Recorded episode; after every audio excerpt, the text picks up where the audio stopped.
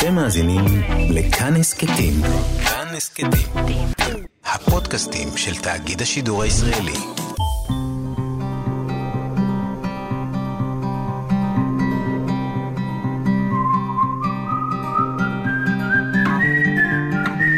אחת פלוס חמש. אורחים וספרים עם ענת שרון בלייס.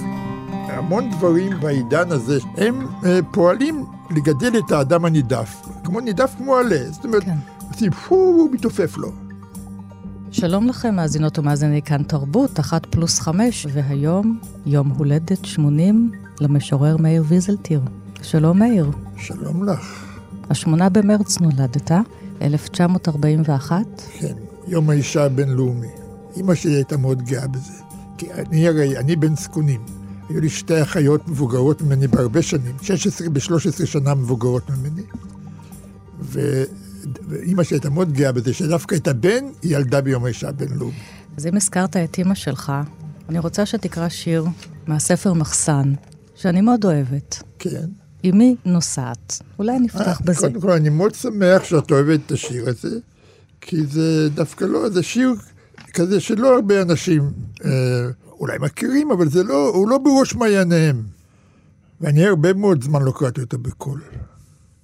אמי נוסעת, באוטובוס ריק, מטרטר, מיטלטלת, במושב דיק מכורסם, על פני מהמורות, בכביש פרברי, שערה קלוע בשתי צמות, מלבינות, כרוכות, על קודקודה, על אצבעה טבעת נישואין, רוסית עבה, זהב אדמדם, קליפות גרעינים ודבוקות מסטיק, סביב מסמנות את מותר האדם, פגר נחש מוטל בחול היוקד בשוליים, היא לופתת ארנק לבן, גם שקיק פלסטיק טחול, תעודות, מכתבים, תצלומים, כלי רחצה, שני ספרים, סיכות ראש. בת כמה היא? שישים? שבעים ושמונה? מה שמתואר פה זה שנות החמישים.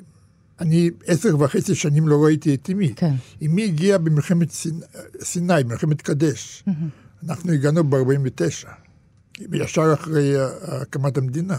אמא שלי הגיעה אחרי הרבה שנים, דווקא במלחמת קדש פתאום היא קיבלה ויזה יציאה מברית המועצות. ונתן לי אם חלופית, אחותי הגדולה, אחותי הבכורה. היא יכלה להיות אמי, הייתה בת 16 כשנולדתי. כן. כן?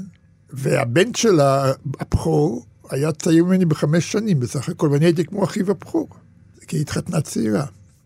בזכות זה גם יצאנו מרוסיה, כי היא התחתנה עם יהודי פולני שברח מפולניה והתגייס לצבא האדום. ואחר כך הייתה לו רשות לחזור הביתה עם משפחתו.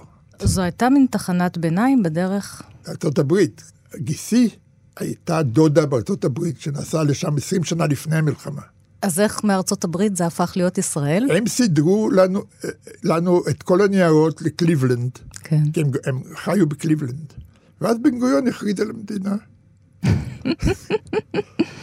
וקלקל לך את התוכניות להגיע לקליבלנד. לא, לי לא היו תוכניות, גם כן, אף אחד לא שאל אותי. ואז הם החליטו ש... ואז, ואז התחילו ויכוחים. כן. כי גיסי רצה לנסוע לארצות הברית, כי שם יש לו משפחה, כל המשפחה שלו הושמדה. המשפחה כן. שלו, אימא שלו. ולמה אחותך רצתה לבוא לכאן?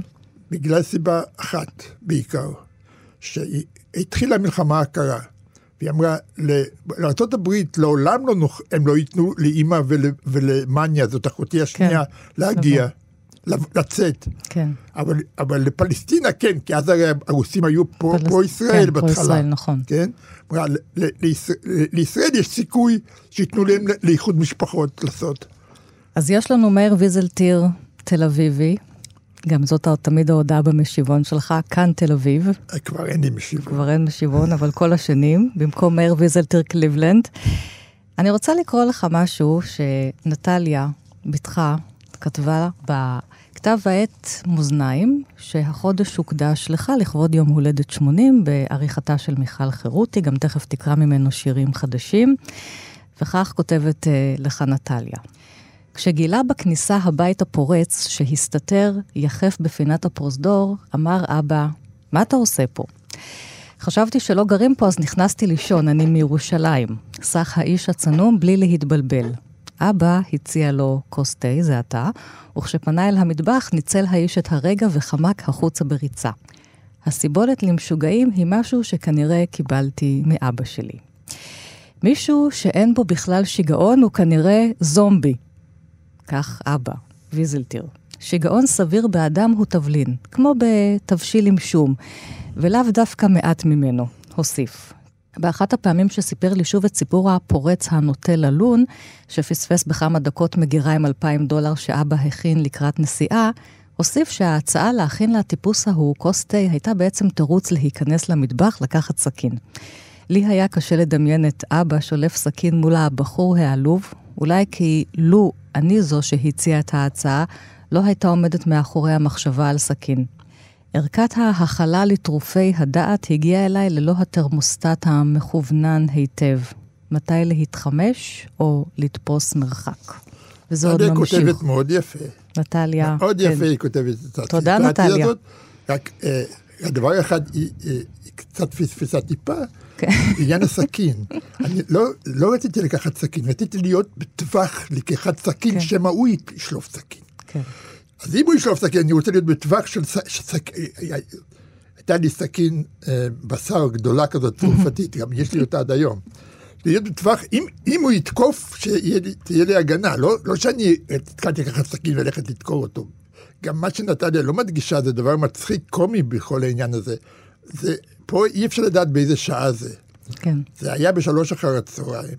אני חזרתי הביתה מארוחה שינה עם ידידים. עם המון יין וקוניאק. הייתי מבוסם, הייתי... הייתי ברור, כן, כן, קוניאק בצהריים. כן. משוררי תל אביב, כן. לא, יין היה בצהריים, ובסוף כוסית קוניאק. אז uh, אני הייתי כזה מבוסם ואופורי לגמרי. פתחתי את הדלת, הופ, אני רואה מישהו מתחמק שם. הדור שלך, אתם הלכתם לשירה לפעמים מופשטת, לפעמים פוליטית. אצלך היא לא מופשטת, היא פוליטית, היא מאוד קונקרטית, אבל הבני משפחה או ההורים פחות היו שם. זה דברים שנכנסו מאוחר יותר. לא אצלי. נגיד, זאת אומרת, השנייה או השלישית שכתבתי אי פעם, זה על מות אבא שלי. כן. אה, אולי נקרא אותה באמת. גדודי הזהב. אומרים שאבי היה מלך בדם, הכתירו אותו בשלולית אדומה, הושיבו אותו על כיסא אדמה, בתים נופלים, קראו הידד. היורש העטוף בשלושה סמרטוטים, סופח לשיירות בדרך הרבה, העניקו אותו כלבה וזאבה, הושיבו אותו בין המטאטים. מצבת המלך, העוף הנודד, לב היורש, מפרש מבודד, היתר נבלע בים הגדול. מה שלא ייכתב יאבד, הדגים לא יבדילו בין חול לשכול, עד שיבואו גדודי הזהב עם מגיני הערד. זה נגמר בדבר לגמרי סימבולי כזה, מה זה, מה זה בכלל גדודי הזהב עם מגיני הערד? זה מין תמונה ארכאית, יוונית, מוזרה, שבדיתי אותה איכשהו. התייתמת בגיל צעיר.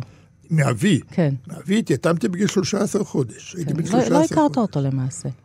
Uh, לפני שהוא יצא לחזית הזאת שבה הוא נפל, שזה חזית לנינגרד, הוא, היה לו, הייתה לו חופשה, הוא היה יומיים בבית, זה אני יודע מאחותי, לא שאני זוכר דבר כזה. ו, והוא התאמץ שאני אגיד. פאפה. ולדעתו אמרתי. הוא, הוא הודיע להם שאני אמרתי פאפה, אבל אני לא יודע אם זה נכון.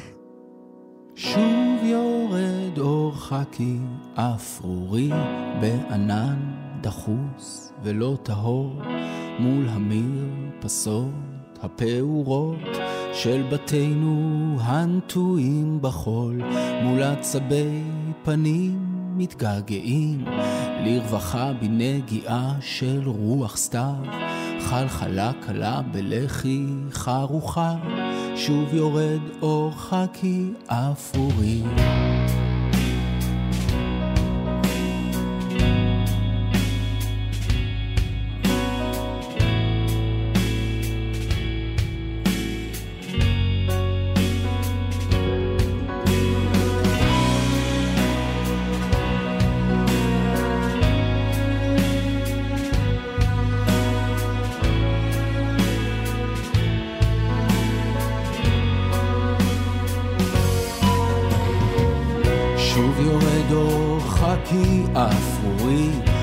מול המחשבות הרסוקות.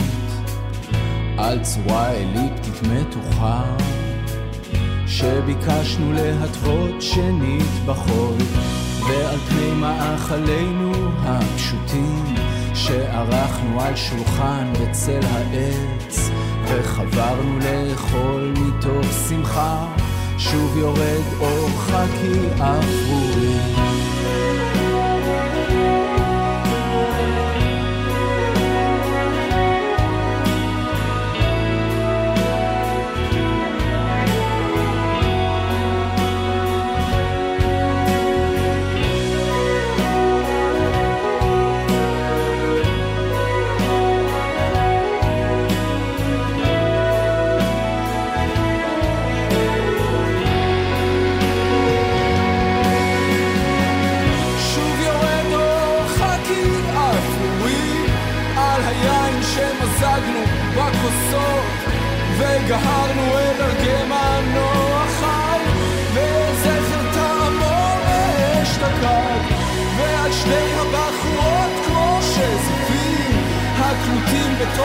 פריחות רפות פרומות וסופגים מגע של רוח רעבה שוב יורד אור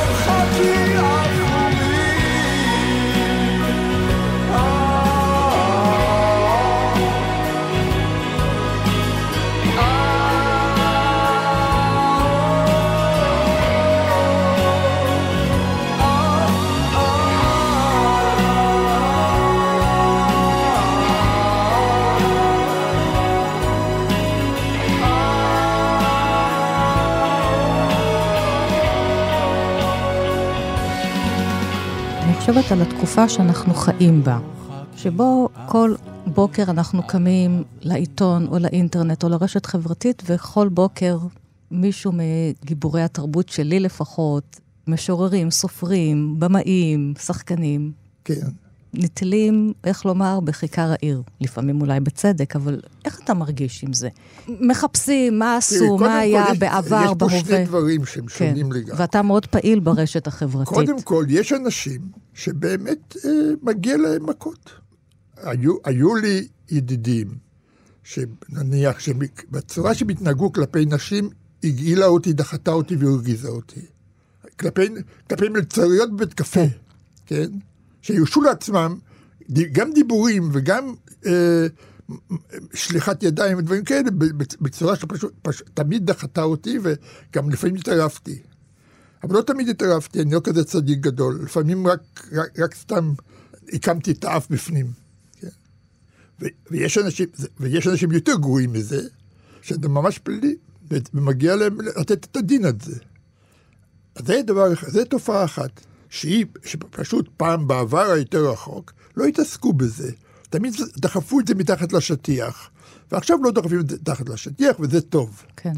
אבל יש תופעה שנייה, שאנחנו, החברה שלנו נעשתה חברה שכל אחד מחפש במי לנעוט סכין. במי לנעוט סכין עכשיו? את מי לשחוט עכשיו? את מי לתלות בכיכר העיר? כן? ו- ו- והרבה פעמים זה נופל על אנשים שאפילו אם יש להם איזשהו חטא, הוא קטן מאוד. והוא לא יותר גדול מהחטא של, מהחטאים של אלה ש- שהולכים לתלות אותם, כן? כן? של התליינים. אז אתה כאיש תרבות, שלפעמים גם מבקש דרך שירה הפוליטית שלך, חברתית, איך אתה מתמודד עם זה? כי אני לפעמים, אתה יודע, נכנסת מזה לקבס נפשי. אני אומרת את זה כאישה, אני מצד אחד רואה את הדברים, ואני אומרת, כמו שאתה אומר, מגיע להם מכות. מצד שני, אני לא יכולה למחוק עכשיו מהתרבות טולסטוי, או את עמוס עוז. לא, בוודאי, אבל קודם כל, זה כי בכלל... כי גם לפעמים יש, גם, גם דרישה בכלל, כזאת לפעמים. זאת, כן, אבל זאת בכלל, זה בכלל רעיון חדש. שמישהו ש, שמגיע לו גינוי כן. על משהו שעשה בחייו, כן, יש לשרוף את הספר שלו, או, כן. לזרוק אותו, או לזרוק אותו על יד הפחים. אני ראיתי באינטרנט היום כן. שכבר מישהו... זרק אה, ספרים של עמוס עוז, כן? ש, שמישהו... אה, השליך החוצה. שגלעד מאירי צילם את זה. נכון, המשורר גלעד מאירי צילם כן. מישהו שלקח את כל הספרים של עמוס עוז והשליך אותם מהבית לרחוב. ליד הפח. ליד הפח. אז, אז, אז, אז טוב, זה גובל בטירוף. אה, קודם כל, אז מאיר, איך אנחנו מפסיקים את הטירוף? אנחנו אנ- הלכנו עם הפוליטיקת זהויות והליברליזם, זה- כאילו אנחנו... אנחנו, כן. לא, אנחנו נתקשה להפסיק את הטירוף, כי אנחנו בחיים לא רק במובן זה, אלא בעוד מובנים, בתקופה די מטורפת. ובמצבים חמורים, רק משהו דרסטי מתקן. צריך, לפעמים צריך קודם כל ל, ל, לחר, לחרב, מה שקוראים, מה שילדים היו אומרים, לחרב, לחרב, כן? יכול להיות, אני לא יודע, אין, אין לי מרשם, כי המצב הוא, הוא, הוא גם חמור וגם מסובך. לא, לא, כל, לא כל הגברים ש, שמתנכלים לנשים הם גיבורי תרבות, יש סתם רוצחים ש, כן. את, את, האישה שלהם כן. לעיני הילדים, כן? יש גם כאלה. כן. לא, לא צריך... אבל לה- אני מדברת שוב, לא, באמת על האנשים בג- שאנחנו בגלל מכירים. התקשורת, כן. אז זה נראה כאילו שפתאום, הנה אנחנו רואים, אנחנו רואים את החברה, לא, אנחנו לא, זה לא רק, זה, עכשיו, תראי, חלק מה, דווקא בין אנשי התרבות, חלק מהנאשמים הם נאשמי שווא בעיניי. למשל, הייתה פעם, הייתה התאפלות לשלמה גרוניך. עכשיו, אני מכיר את שלמה טוב מאוד.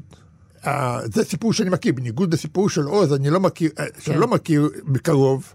כי את עמוס עוז אני הכרתי אמנם מגיל צעיר, אנחנו למדנו יחד באוניברסיטה, אמנם לא באותם חוגים, אבל, אבל הכרנו, אבל אני אף פעם לא, לא ישבתי עם עמוס עוז בארבע עיניים. תמיד היו עוד אנשים. אף פעם לא היינו ידידים, אף פעם לא ישבנו כמו שאני יושב איתך עכשיו. אז, אה, אז אני לא יודע מספיק שם שום דבר. אבל, אבל גרוניך אני יודע. ושתבוא האישה ש... ותגיד לך, אבל גרוני חסה לי, אתה לא יודע מה היה יודע ביני מה לבין היא גרוני אמרה, זה, כשהיינו לבד. זה גבולי. גם מה שהיא אמרה, זה גבולי.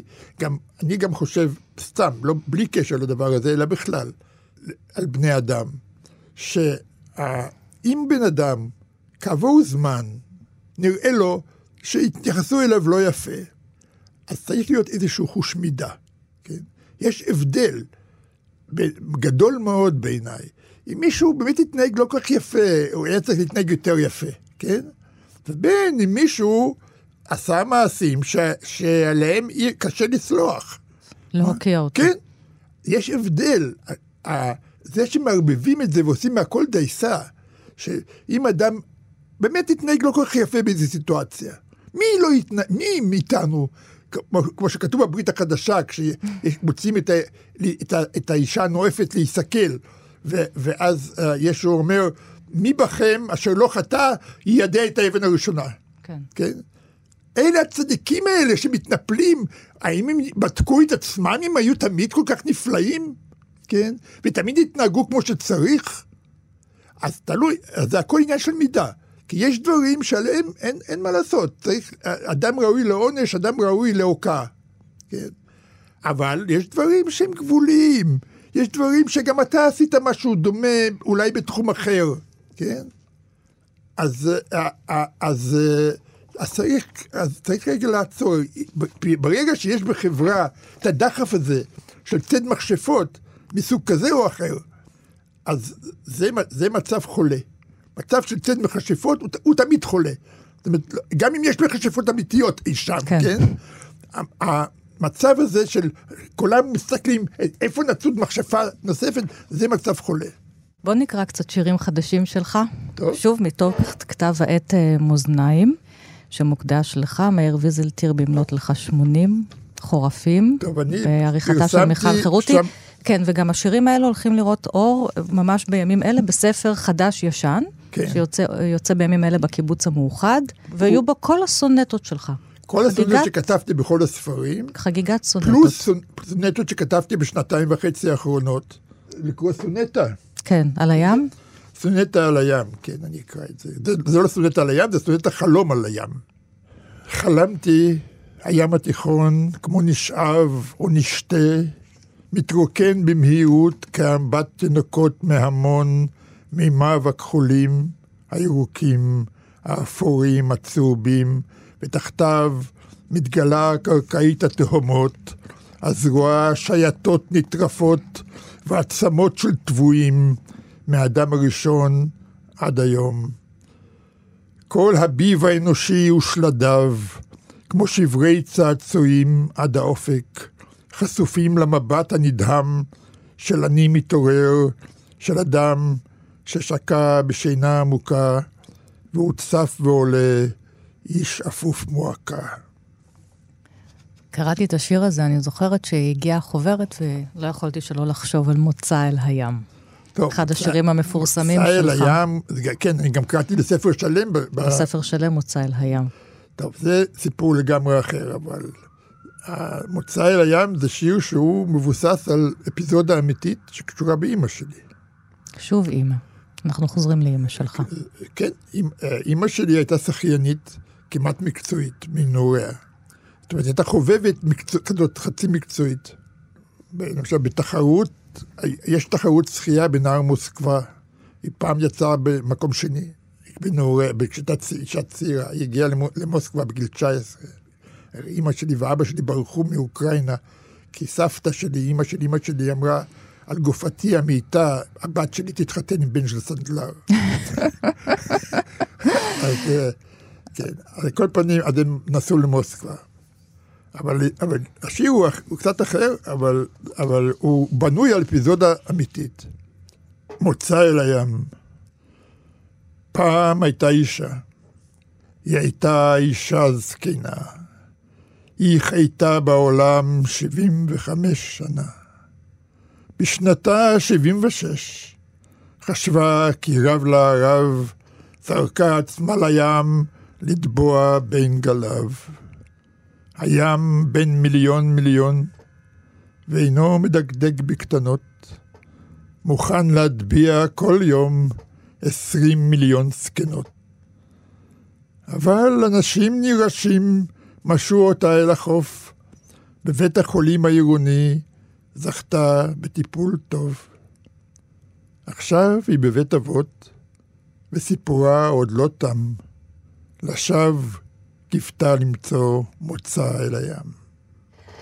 זה שיר שכתבת לפני שנים רבות. זה שיר שכתבתי, אה, כן, ב- ב- פחות או יותר בזמן אמת, זאת אומרת, זה, זה בשנת 79. ועכשיו בספרים, גם בספר הקודם שלך, האדם הנידף, כן. או סימני חיים בעשור השני לאלף השלישי, אתה כבר מדבר על uh, המשורר הזקן. אין לי נטייה להתכחש לתופעות מציאות. יש גם שיר מקסים שכתבת ליהושע קנז, שנפרדנו ממנו לפני כמה חודשים, כן. על האלצהיימר, כן, בספר זה, הזה. זה, כן. זה, שיר שנכתב בגלל חוויה, אני לא ידעתי שהוא הת- שהתחיל אצלו אלצהיימר, באחת, כשהוא היה עוד בהתחלה של האלצהיימר, שהוא עדיין הסתובב בעיר, חבר אלצהיימר ישב בפינת הקפה וקרא ידיעות אחרונות של יום חול. לא הבנתי מה אני רואה מכל הדברים שבעולם שניתן להבין או לא להבין. לא הבנתי ברגע ההוא מדוע הוא מתעמק בעיתון כאילו היה משוואה ממעלה שלישית. לא הבנתי שגיליון העיתון, היריעה הרחבה זרועת האותיות, חובש, חובשת את הבערות החדשה, מסתיר, מסתירה את השכחה. כל הספרים הנמוגים ההם הכאיבו לו, שכח בקלות את השמות של כל הדמויות בספרים שכתב. זה שיר קורע לב. זה נורא, כן, זה נורא, זה, כי זה מצב ואלצהיימר. נורא.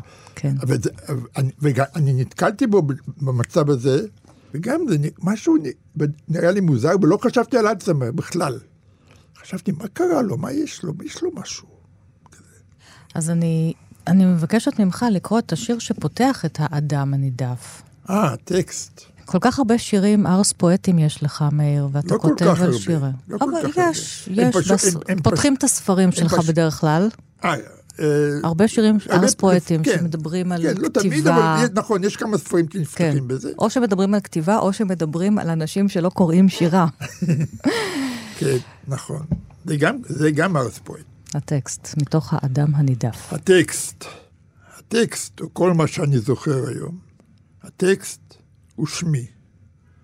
הומרוס, אומרים לי ידידיי הבאים לבקר, ספר לנו על השנים המופלאות, המהוללות, עם חבריך המתים, כשעוד היו מלאי חיים ותאווה. ספר על המקומות הרחוקים, על טלטולי ההפלגות, על הנשים היפיפיות באיי הים, וגם בנות המקום. על כל המראות שנגלו לעיניך לפני בוא העיוורון. אבל אני כבר יכול לספר להם רק את הטקסט. רוצים לשמוע שוב על הקיקלופים ועל שירת הסירנות? או אולי על שיחתו של אודיסאוס עם אבמאוס, רואה החזירים הנעלה שדיבר כחכם באדם? הגולל כל פרשה שחשקה בנפשכם, כל שיר באודיסאה. אך את הטקסט יוכלו לקרוא מתוך הדף, אם יתחשק להם. לכך אין הם צריכים אותי. זקן רפה, עיוור, שזיכרונו בוגד בו.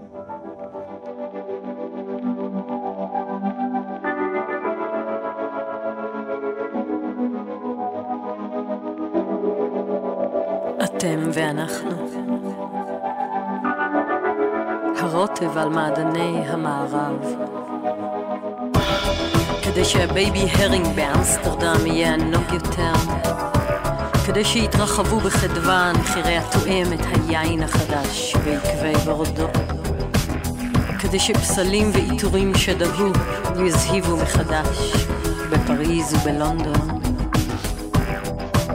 כדי שהעיצוב הסקנדינבי יתמודד עם העיצוב האיטלקי. כדי שסטייק הסלמון הטרי יבהיק במלוא זיוו בסקוטלנד. כדי שבתי האפנה המובילים יוכלו לחדש כל עונה. כדי שהקבוצות בליגות הבכירות יזכו באיצטדיון אולטרה מודרני. כדי שתחנות כוח עזובות יתחדשו כמוזיאונים מופלאים. כדי שיתגוונו מיני הבירה בארץ הבלגים, כדי שוונציה לא תשקע וברלין תשוב לתפארתה, כדי שהחמון יאפיל כראוי בספרד, והנקניק הגרמני לא יחזיב את שוחריו. כדי שציידי השועלים באנגליה לא ינושלו מתחביבם.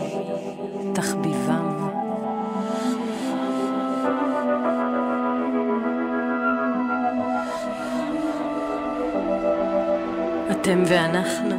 כאן תרבות, מאזינות ומאזינים. מאיר ויזלטיר המשורר באולפן, אנחנו, אני חוגגת איתך 80 חורפים, מאיר. מי זה האדם הנידף? האדם הנידף, זה מה שאני קראתי בעבר, האדם האפס. זאת אומרת שזה התוצרת החדשה של העידן החדש, שכל, המון דברים בעידן, בעידן הזה של שני העשורים האחרונים זה הואץ, הם אה, פועלים לגדל את האדם הנידף, כמו נידף כמו עלה, זאת אומרת, כן. עושים פו, הוא מתעופף לו. בעיניי, בתרבות המערב, ו, וגם בתרבויות שנגעו בה, בחמש מאות השנים האחרונות, היה תהליך של בניית האינדיבידואל, או נקרא לו בשם אחר, אני קורא לו בשם אחר, האדם הריבוני. אחד, אחד, אחד המנועים החזקים שיצרו אותו, זה היה המצאה של גוטנברג, הדפוס. כן. אבל עוד דברים. ואנחנו, ככה הגענו עד מלחמת העולם השנייה, שהיא ניפצה את זה. אז אנחנו נידפים כבר מאז בעצם? לא, אז התחיל התהליך. כן. לא, דברים כאלה, התהליכים האלה הם איטיים. אני אומר, בעשורים האחרונים, כן. עכשיו, כל מיני דברים טובים גרמו לזה גם. למשל, המצאת המחשב. המצאת המחשב והמצאת הסמארטפון, שתיהן המצאות שיש בהן הרבה יתרונות, אי אפשר להתכחש ליתרונות האלה. אני, שתרגמתי עשרות ספרים בימי חיי, עד שהיה לי מחשב, כן, אני הייתי עושה את הכל במכונת הכתיבה, ואחר כך עובר על זה בעט, ואחר כך מעתיק את הכל מחדש.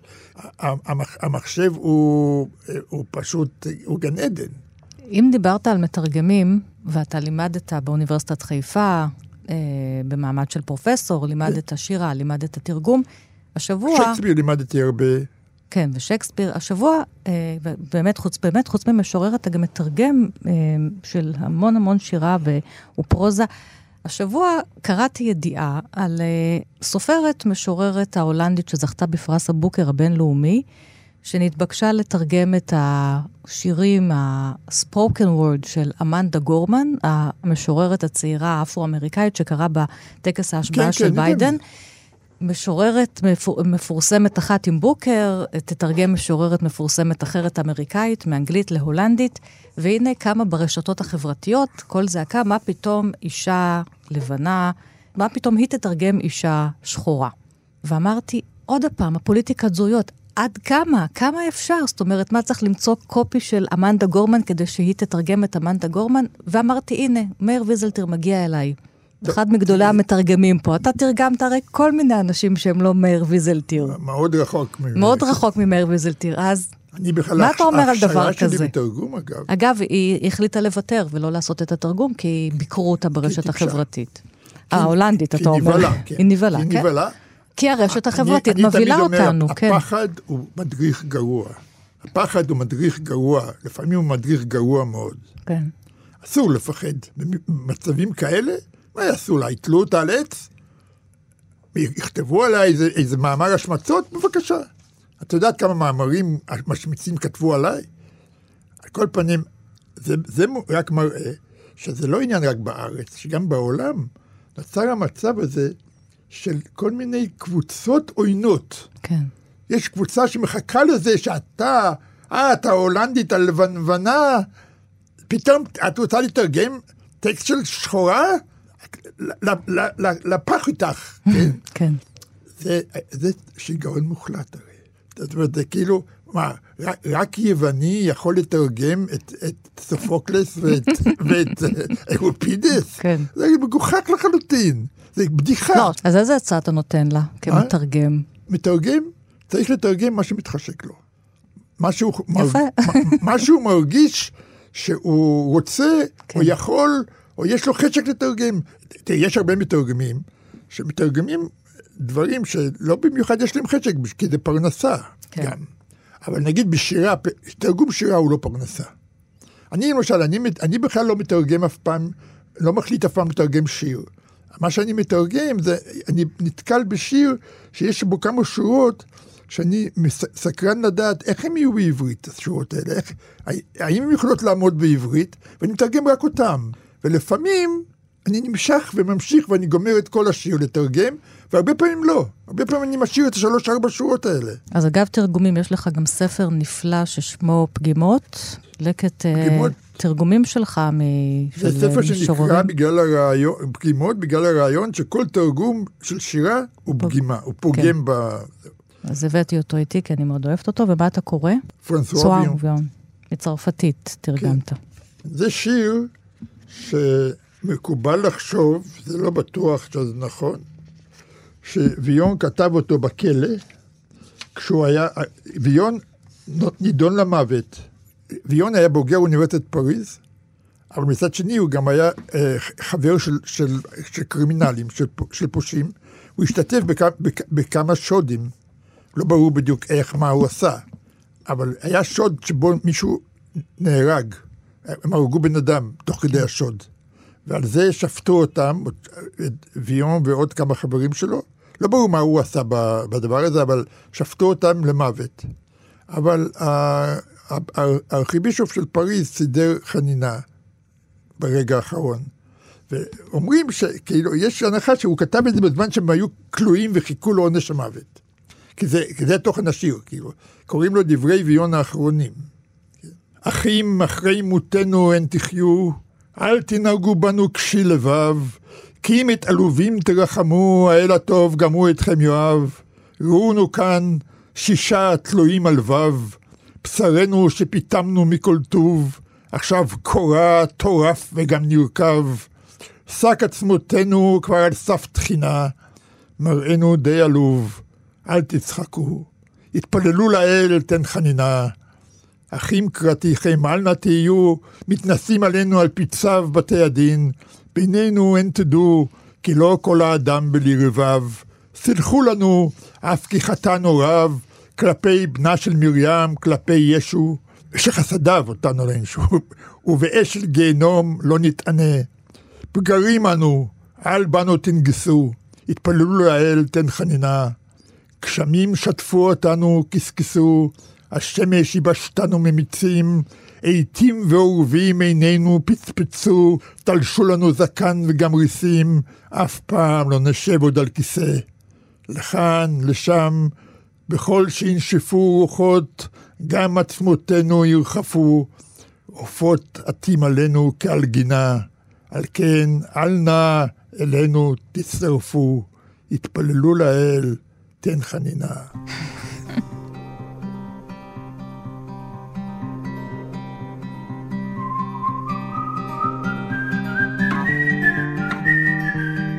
בחוברת uh, החדשה של מאזניים אני פרסמתי ארבעה שירים, שני שירים ושתי סונטות. עכשיו אני אקרא את אחד השירים. הוא, שמו הרחק ממני. אהבות עבר מוטלות, אישה בגומחתה. הרחק ממני. מחוץ לטווח ידי החמימה, המרחפת, המגששת כסומה במיטתי, הרחבה משתרעת עד לקיר הלבן, הצונן. איפה היא הכתף הרכה וחלקת הצוואר הרוטטת שנענתה ללא היסוס?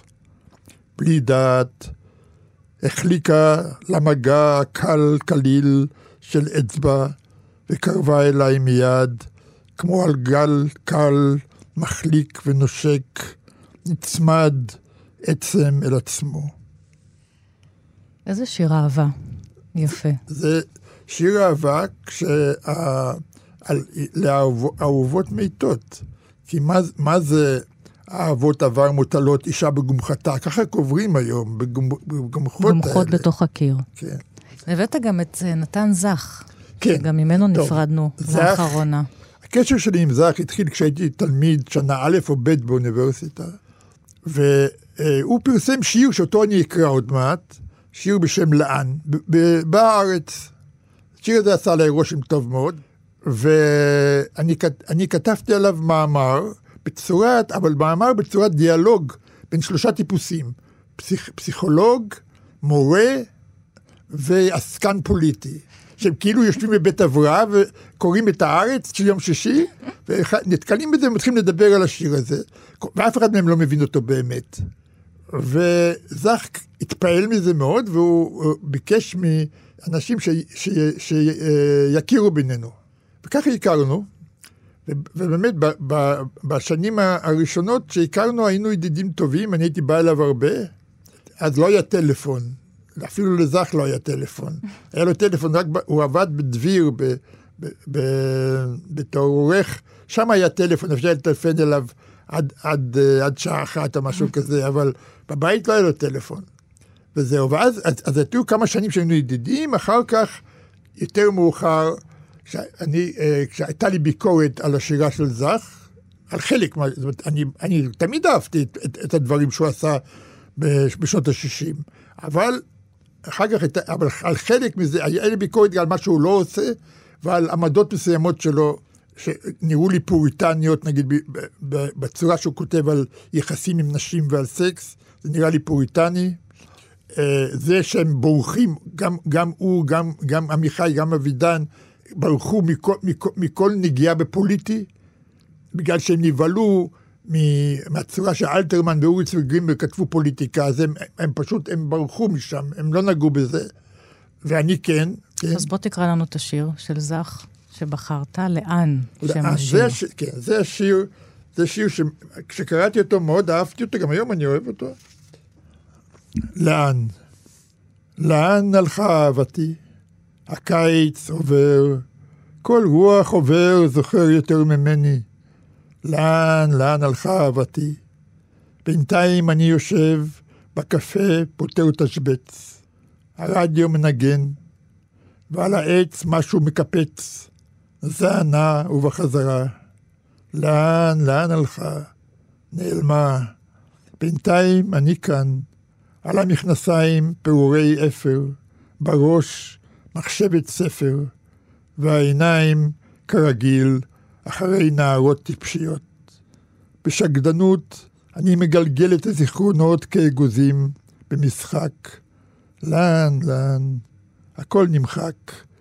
בשעת הדחק ישנו תמיד אני, כל כך לידי, עד שיכולתי כמעט לגעת בו ביד, הרושמת ציפורים משועממות ולטאות לא מוצלחות על פיסת נייר שמצאתי במקרה בתיק מבלוק שלקחתי בדביר.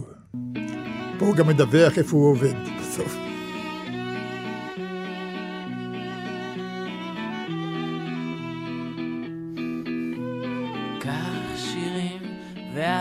תקרא, עשה אלימות בספר הזה.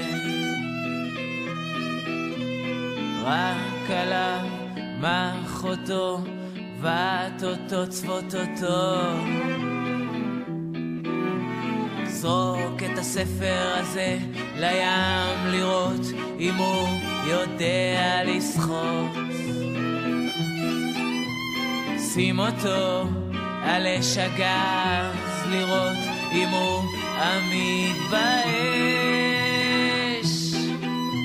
מסמר אותו, נסר אותו, לראות אם יש לו התנגדות. הספר הזה הוא סמרטוט של נייר, אותיות כמו זבובים, ואילו אתה סמרטוט בשר, אוכל עפר וזב דמים, בוהה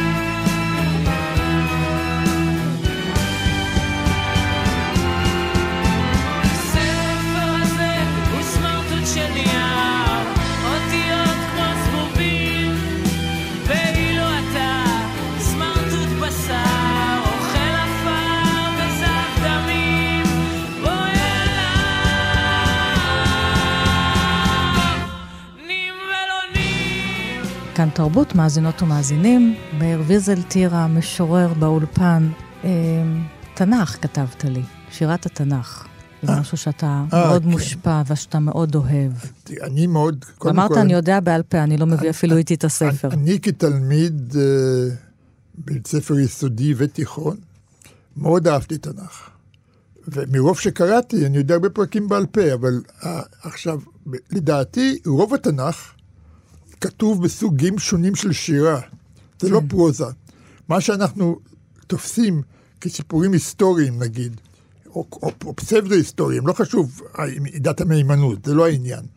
אבל הסיפורים בספר שמואל, בספר בספר שופטים, בספר מלכים, הם בעצם כתובים כאפוס, הם כתובים בשירה. וכל פרק שאתה לוקח, זה בעצם סוג של, של שירה אפית. נגיד פרק ל"א בשמואל א', כן? ופלישתים נלחמים בישראל, וינוסו אנשי ישראל מפני פלישתים, ויפלו חללים בהר הגלבוע, וידביקו פלישתים את שאול ואת בניו, ויכו פלישתים את יונתן, אבינדב ומלכישוע בני שאול, ותכבד המלחמה אל שאול מאוד, וימצאו המורים, אנשים בקשת, ויחל מאוד מן המורים. ויאמר שאול נוסק אליו, שלוף חרבך ודקרני בה, פן יבואו הערלים האלה ותקרוני ויתעללו בי, ולא אהבה נוסק אליו, כי ירא מאוד. ויקח שאול את החרב, ויפול עליה, וכולי וכולי. אני יכול להמשיך את הפרק הזה, וגם את הפרקים שאחריו. ה- כי זה, זה, זה טקסט שנורא אהבתי, ואני קראתי את הפרקים האלה המון פעמים, לא למדתי אותם בעל פה אף פעם. הם פשוט, פתאום ראיתי שאני יודע אותם בעל פה. כי הש- השירה של התנ"ך היא מאוד מרשימה. קודם כל, יש בו את הדבר שהוא אחד המאפיינים האהובים עליי בשירה בכלל, וזה הצמצום. זה אחת התכונות שאני הכי אוהב בשירה, שאתה יכול במעט מילים, במעט תנועות של מחשבה, לייצר עולם שלם. כנראה שהסיבה הראשונית לזה היא שבזמנו, במאה התשיעית או השמינית לפני הספירה, כשהם כתבו את הדברים האלה, אז הכתיבה הייתה מעשה מאוד מאמץ. זה היה עניין לא פשוט, הכתיבה הפיזית, אני מתכוון. כן. הביצוע הפיזי של הכתיבה היה עניין לא פשוט, עניין שכרוך במאמץ, וב, ו, ולכן כמה שפחות מילים היה יותר טוב. אבל אחר כך זה כבר לא זה מה שגרם, כי זה הפך לסוג של סגנון, ל- ל- לאידיאל, יותר כן. נכון, איך כותבים. עכשיו לסיום אנחנו נדבר על שיר שלך שפותח ספר, על האנשים שלא קוראים שירה, ואתה ביקשת לקרוא אותו. כן. כל האנשים שלא קוראים שירה, וזה בערך כל האנשים, קוראים דברים אחרים. למשל, הוראות שימוש של תרופות, כתוביות בטלוויזיה, תפריטים, מסרוני אס.אם.אס, אימיילים ורפורטים, מתכונים, הוראות הרכבה של איקאה, סיכומים חודשיים של כרטיסי אשראי, פרטים אישיים באתרי רייטינג, דיאטות, שיטות לגמילה מעישון, תוויות בקבוקים ואריזות אחרות, עיתונים ואפילו רומנים.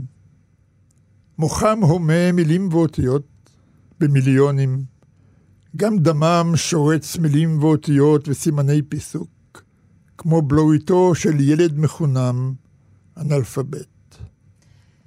למה רצית את זה לסיום? מה? את השיר הזה לקרוא. אה, זה, תראי, זה, זה, זה שיר, יש לי כמה שירים כאלה מפוזרים על פני העש- עשורים, ש- על היחסים בין השירה ובין, ובין ה, לא, לא בין קוריאה, אלא כמובן, אלא בין השירה ובין הקהל הנחשב תרבותי. זאת אומרת, זה קהל שהוא שומע מוזיקה מסוג כלשהו, הוא גם אולי קורא רומנים מסוג כלשהו, הוא הולך לסרטים, הוא רואה סדרות בטלוויזיה, הוא קהל של צורך תרבות. אבל הקורא שאני רוצה אותו לשירה, הוא לא צורך תרבות.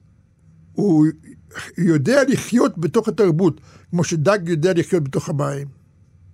אז אנחנו נשמע לסיום אה, שיר שלך ששמו באמת, שגם הוא אה, שיר אה, מאוד פוליטי שעוסק במהי, ה-שישים. משנות ה-60, שעוסק במהי אמת.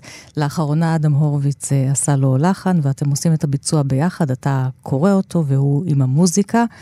אז את זה אנחנו נשמע לסיום. אבל אולי עוד רגע, כי יש לך עוד שיר בספר האדם הנידף, שבו אתה קצת צוחק עלינו, ברדיו, אולי גם עליי. אתה שומע איזו תוכנית ספרות בשידור חוזר, כן, ותראה מה אתה כותב. מה אני כותב? מדברים שירה, קוראים לשיר הזה. הרדיו פולט בתוך הלילה שידור חוזר.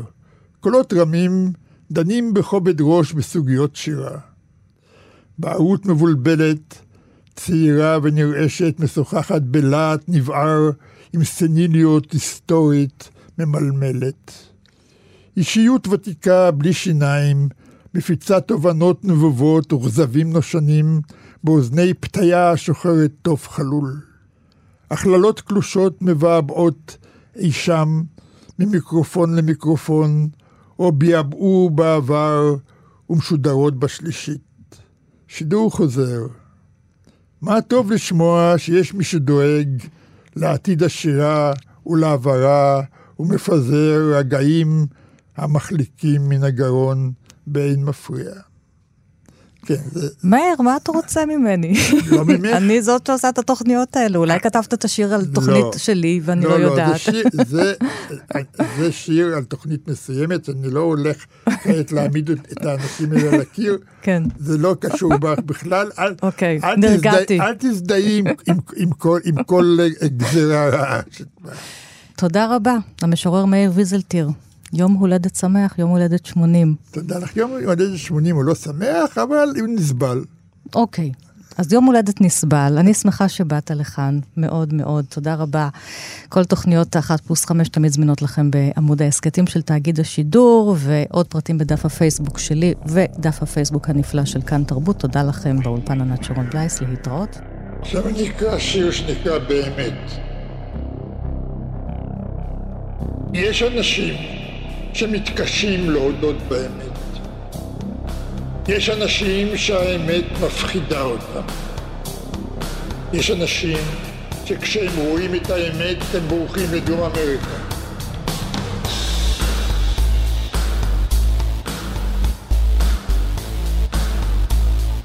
יש אנשים שבשבילם אמת בבית זה כמו מת בבית. יש אנשים שמוכנים למות פעמיים ובלבד שלא יראו את האמת.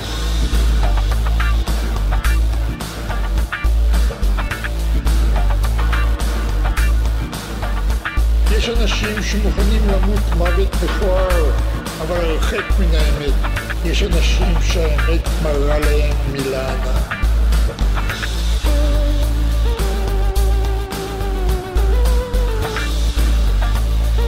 יש אנשים שמקיאים מריח של אמת.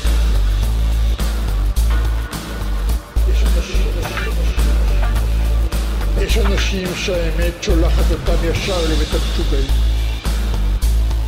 יש אנשים, יש אנשים, יש אנשים, יש אנשים שמוכנים להתנכר לבניהם מול האחרים שדווקא בהם אמת. יש אנשים שמבטחים את עצמם כנגד האמת בפוליסה כפולה צמודה לדולר.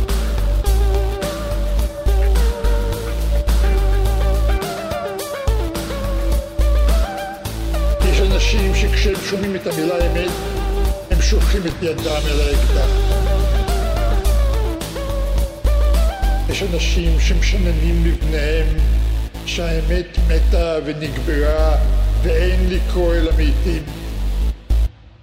יש אנשים שעומדים בראש ארגון ארצי כנגד האמת.